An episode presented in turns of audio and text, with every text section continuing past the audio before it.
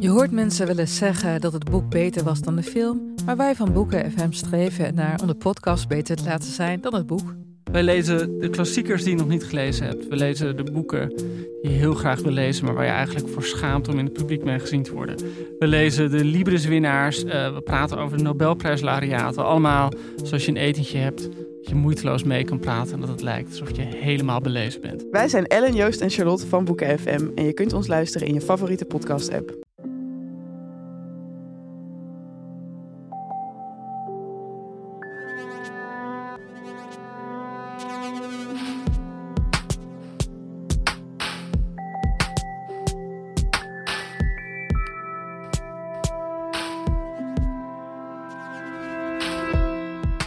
Ik ben Pieter van Relaas.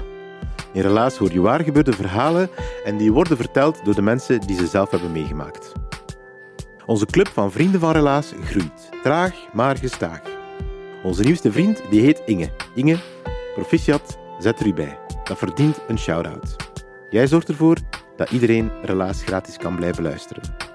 Op Vriend van de Show slash Relaas vind je trouwens een persoonlijke welkomstboodschap voor jou en je vindt er ook exclusieve relaasafleveringen. Zoals bijvoorbeeld het relaas van Timon en hoe het nu eigenlijk komt dat hij zoveel afweet van Zambiaanse popmuziek. Maar dat is niet voor het relaas van vandaag. Vandaag luisteren we naar het relaas van Helene. Het is opgenomen in de zomer van 2022. Het is een buitenopname. Als je heel goed luistert, hoor je wel kindjes spelen in de achtergrond. En je voelt ook, ik vind dat toch, die oneindigheid van die buitenlucht, dat hoor je in die opname. Ik vind dat echt mooi. Maar dat kan aan mij liggen, ik was er zelf ook live bij, dus ik heb het helemaal anders meegemaakt dan dat jullie het straks meemaken. Helene vertelt een liefdesverhaal. Bestaan er eigenlijk mooiere verhalen dan liefdesverhalen? Ik denk het niet. En misschien wel spannende liefdesverhalen. Over een plotselinge coup de foudre en dan een schijnbaar onbereikbare liefde.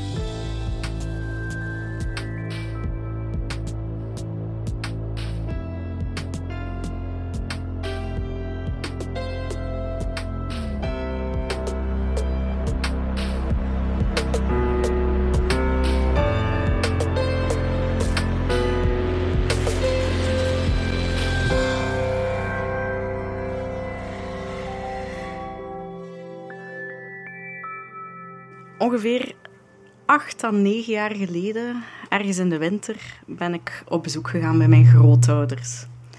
En mijn grootouders die wonen in Izegem. Voor de mensen die dat niet kennen, dat is, dat is in West-Vlaanderen en dat is zeer, zeer West-Vlaams.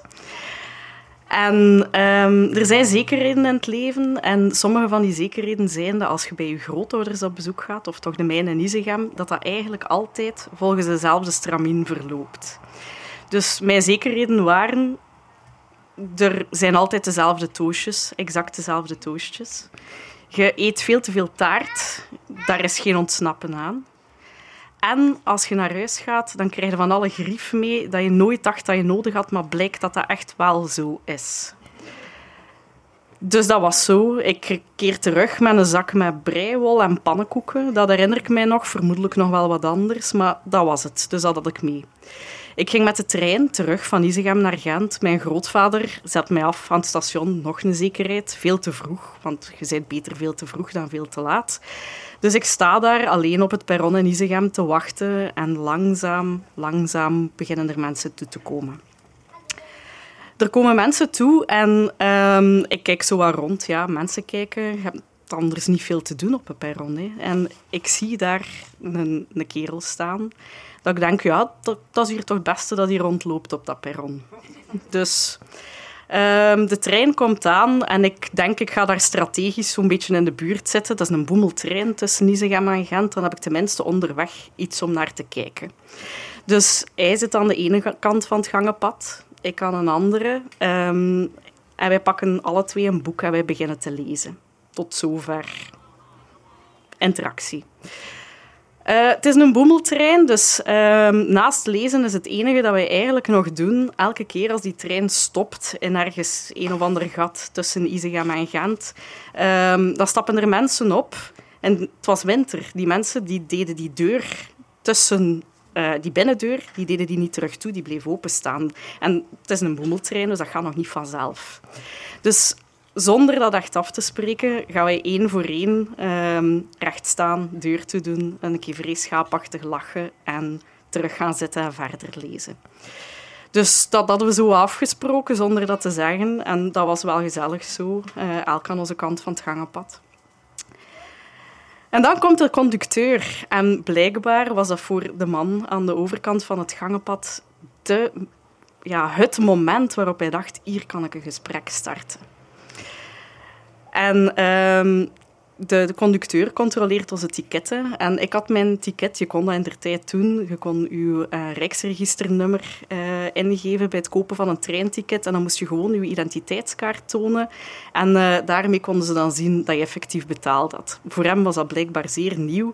Want zijn manier om een gesprek te starten met mij was... Mo, je hebt je ticket op je identiteitskaart staan. Hoe werkt dat? Ik had toen een heel groot probleem en dat is dat ik het spannendste boek ooit aan het lezen was. Maar ah ja, Shantaram van Gregory David Roberts, een aanrader. Maar dus het grote probleem, ik vond dat een interessante kerel, maar ik wilde eigenlijk gewoon verder lezen. Dus ik heb die gewoon keihard afgewimpeld. Ik heb gewoon gezegd, ja, je gaat gewoon naar de, website van een NMBS en je koopt je ticket, je vult je Rijksregisternummer in en dan staat dat daarop. Klaar. Tien seconden later had ik daar gigantisch veel spijt van. Dus tot zover verder lezen in mijn boek, dat ging voor geen meter, maar echt. En ja, maar hoe keerde daarvan terug? Want ja, ik heb die niet zo vriendelijk afgewimpeld. Die zit daar nog altijd. Ik zit nog altijd aan de andere kant van het gangenpad. En ja, dus de hele tijd, dat boek dat is al lang passé tegen dan, ehm, de hele tijd te denken, ja, oké, hoe, hoe trek ik dit terecht? Hoe begin ik alsnog een conversatie? En ik stel dat de hele tijd uit. Dan denk ik, oké, ik ga dat doen als we gaan uitstappen. Dus oké, die trein komt aan in, uh, in Gent. Dus gelukkig moest hij ook tot de eindhalte blijven, blijven zitten. En wij staan naast elkaar te wachten totdat die deuren open gaan. En ik denk, nu ga ik iets zeggen. En dan laat ik mijn fiets lichten vallen. Het was winter, was s'avonds tegen dat ik terug toe kwam. Dus ja, oké, ik raap die op van op de grond. Ehm, de deuren gaan open. Wij stappen alle twee uit. En we lopen zo wat op het perron, echt schouder aan schouder, naast elkaar. Hij zegt niks, ik zeg niks. Ik weet ook niet wat ik moet zeggen. Wij lopen samen naar de achterkant van het station, waar al die fietsen staan. Blijkt dat onze fietsen zo op vijf plaatsen van elkaar staan. Dus ik denk, oké, ik heb nog mijn kans. Ik steek mijn grote zak met pannenkoeken en breiwol in mijn fietstassen en ik draai mij om en joef die fiets voorbij. Ja, ik spring op mijn fiets en ik begin daarachter te crossen. Maar ja, ik had zo'n een, oude fiets, nog mijn studentenfiets. En die fietstassen die waren ook al versleten. Dus als ik daar mijn grief niet goed in stak, dan begon dat zo in mijn wiel te klapperen. En ik begon te klinken like een helikopter, terwijl ik daar achteraan te rijden was. Dus dat ging drrrr. Ja, dus ik kon eigenlijk niet... Ik kon wel verder fietsen, maar dat ging ook geen zicht zijn. Hè. Dus ik stop, ik duw die breiwel en die pannenkoeken ergens een kant uit.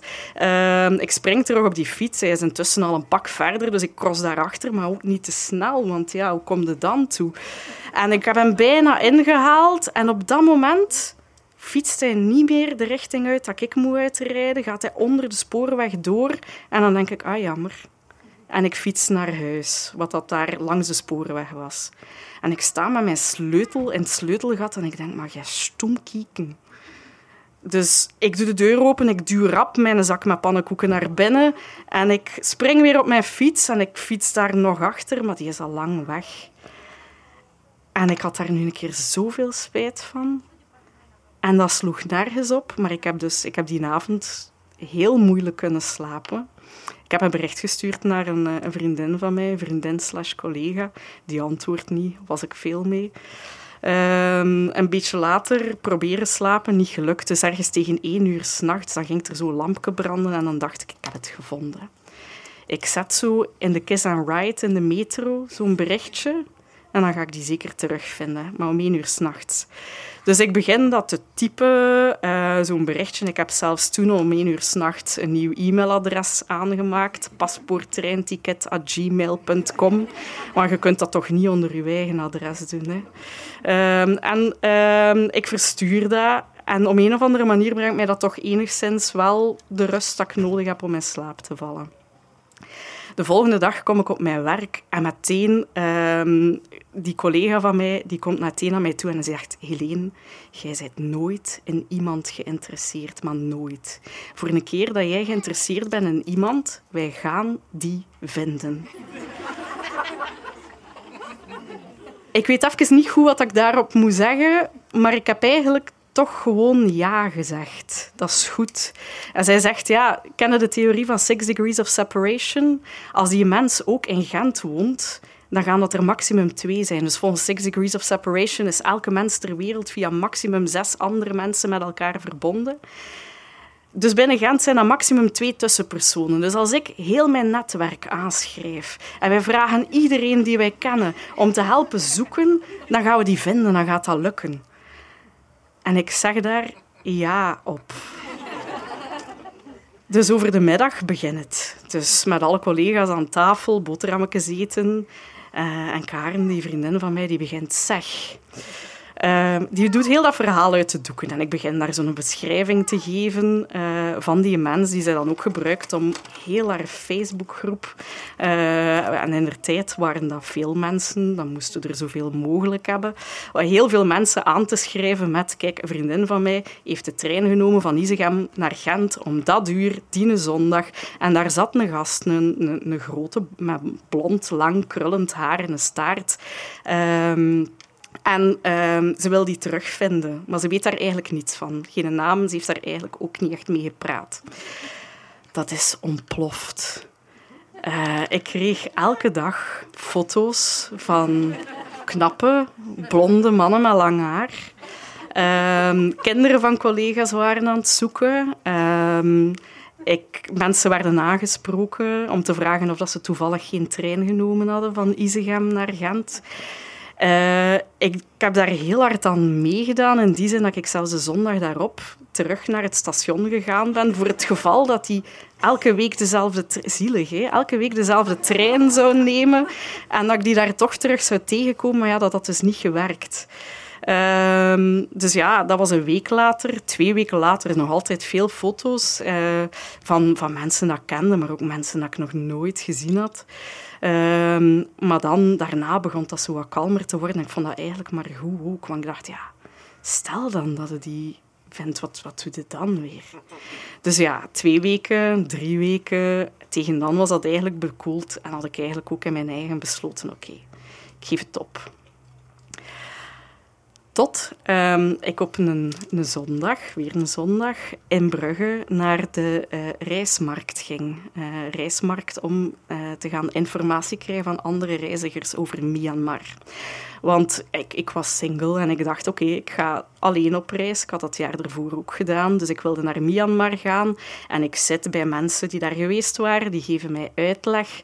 En wie passeert er plots echt rakelings langs mij? Dat is die gast. Ik herken hem meteen. Dat is mijn eerste reactie. En mijn tweede reactie is, maar die is rost. die is helemaal niet blond. En ook niet zo groot. Maar goed, ja, oké. dus ik wimpel die mensen af. Ik ga die heel rap proberen. Ja, ja, dank u voor de tips, maar ik denk dat ik wel verder kan zo. Um, en ik, ik rond dat gesprek af en ik bel mijn vriendin. En ik zeg, wat moet ik doen? Want die is hier. En die zegt, ja, maar dat is nu toch niet zo moeilijk? Jij gaat daar naartoe en als je dat nu niet doet, dan praat ik van mijn leven niet meer tegen u. Ja, daar had ik weinig van terug. Hè. Dus ja, ik was die weer even kwijt, want die was verder gelopen. Dus ik ga daar zo uh, gaan rondhangen totdat ik die terug zie zitten. Um, maar dan, ja, dat was een maand geleden hè, dat wij samen de trein... En dat ik die niet zo vriendelijk afgewempeld had op de trein. Um, dus die staat recht en ik loop daar zo echt recht achter tussen Zuid-Amerika en Zuid-Europa ongeveer op die reismarkt, heb ik die achtervolgd. En dan dacht ik, oké, ik heb het gevonden. Dus ik, ik spring daar zo aan voor en dan doe ik alsof ik heel geïnteresseerd aan het kijken ben naar iets dat ergens ophangt, waardoor dat hij nog in volle vitesse tegen mij loopt. Dus hij botst tegen mij en ik draai mij om en ik zeg, oh, sorry. En ik zie zo'n lichte blik van herkenning. Dan denk ik, oké, yes. En dan zeg ik, Maar ken ik u van ergens? Zeer casual. Ehm, waarop dat hij dan zegt, ja, ik denk, denk dat wij een tijdje geleden samen de trein genomen hebben. Oef, oké. En dan zijn wij beginnen babbelen en dat was een super tof gesprek. Dat was ja, ideaal, want wij, ja, alle awkwardness van welk onderwerp gaan nemen om over te praten viel weg, want we waren op een reisbeurs. Wij reisden alle twee graag. Wij waren daar duidelijk met plannen, dus we beginnen daarover te vertellen. Allemaal leuk. En in ene keer zegt hij, heb dan dus geen zin om een keer samen iets te gaan drinken? En ik zeg, oh ja, zo leuk dat hij dat zegt, want ik was u eigenlijk aan het zoeken tien seconden later weer spijt van. Zelfs nog niet de moment dat ik het aan het zeggen was, had ik er al spijt van. Maar het was te laat, dus die kijkt naar mij en die zegt zoeken. ik kon niet alles vertellen, dat ging niet. Ehm, dus ik heb toen gewoon gezegd, uh, ja, uh, ik, ik, ik heb eigenlijk toen een, uh, een berichtje in de metro gezet. ja, Bon, uh, de rap weer het gesprek proberen oppikken en dat is gelukt. We hebben afgesproken. Ik kan u zeggen dat een eerste date waar dat al uw vrienden, al uw collega's en alle mensen die zij kennen weten dat je er naartoe gaat en mee willen helpen beslissen wat dat je gaat aandoen, waar dat je naartoe gaat en waarover dat je toch gaat babbelen, dat dat stresserend is. Maar goed, um, wij spreken af en dat is een avond en dat klikt. Wij praten de hele avond, dat is super gezellig. En um, de moment dat ik wist dat het goed zat, was een moment dat hij in een ene keer een kalkoen achter deed. En ik zag die hetzelfde gezicht trekken als dat ik had toen ik zei, ik was u aan het zoeken. Zo de... Die was even gênant, gelijk ik. En dat kwam goed uit. En nu zijn wij acht, negen jaar later en twee kinderen en een verbouwing later. Dus soms, soms komt een beetje toeval wel een keer van pas. Merci.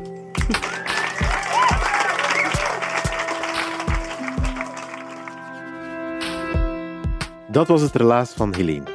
Ik zei het al, het is opgenomen in Bar Bricolage, buiten, in de buitenlucht, in de nazomer van 2022. Ik ga heel eerlijk zijn, wij hadden gehoopt op een Indian nazomer, maar op de avond zelf bleek het er toch een beetje frisjes te zijn. En ook wel een beetje regenachtig. Maar niks wat een paar dekentjes en een uh, mooie tent en sfeerverlichting niet konden oplossen. Onze presentator Timon die heeft die avond ook een spelletje gespeeld tijdens de live vertelavond. Uh, iedereen uit het publiek die zin had, die kon een klein verhaaltje komen vertellen. On the spot, onvoorbereid, maar gewoon spontaan vertellen. We hadden een zinnetje verzonnen en dat kon je dan vervolledigen. En de zin was... Ik besefte dat ik beter twee keer had nagedacht toen... Puntje, puntje, puntje, puntje. En dan heeft onder andere Jannes een verhaaltje verteld. Als je dat hilarische verhaal van Jannes wil horen, dan moet je vriend van de show worden. Vrienden van de show krijgen dat extra verhaal exclusief op vriendvandeshow.be slash relaas. Dankjewel ook aan de afdeling cultuur van de stad Gent en van de Vlaamse gemeenschap. En ook aan al onze vrienden van de show en aan alle relaas vrijwilligers. Wij zien jullie graag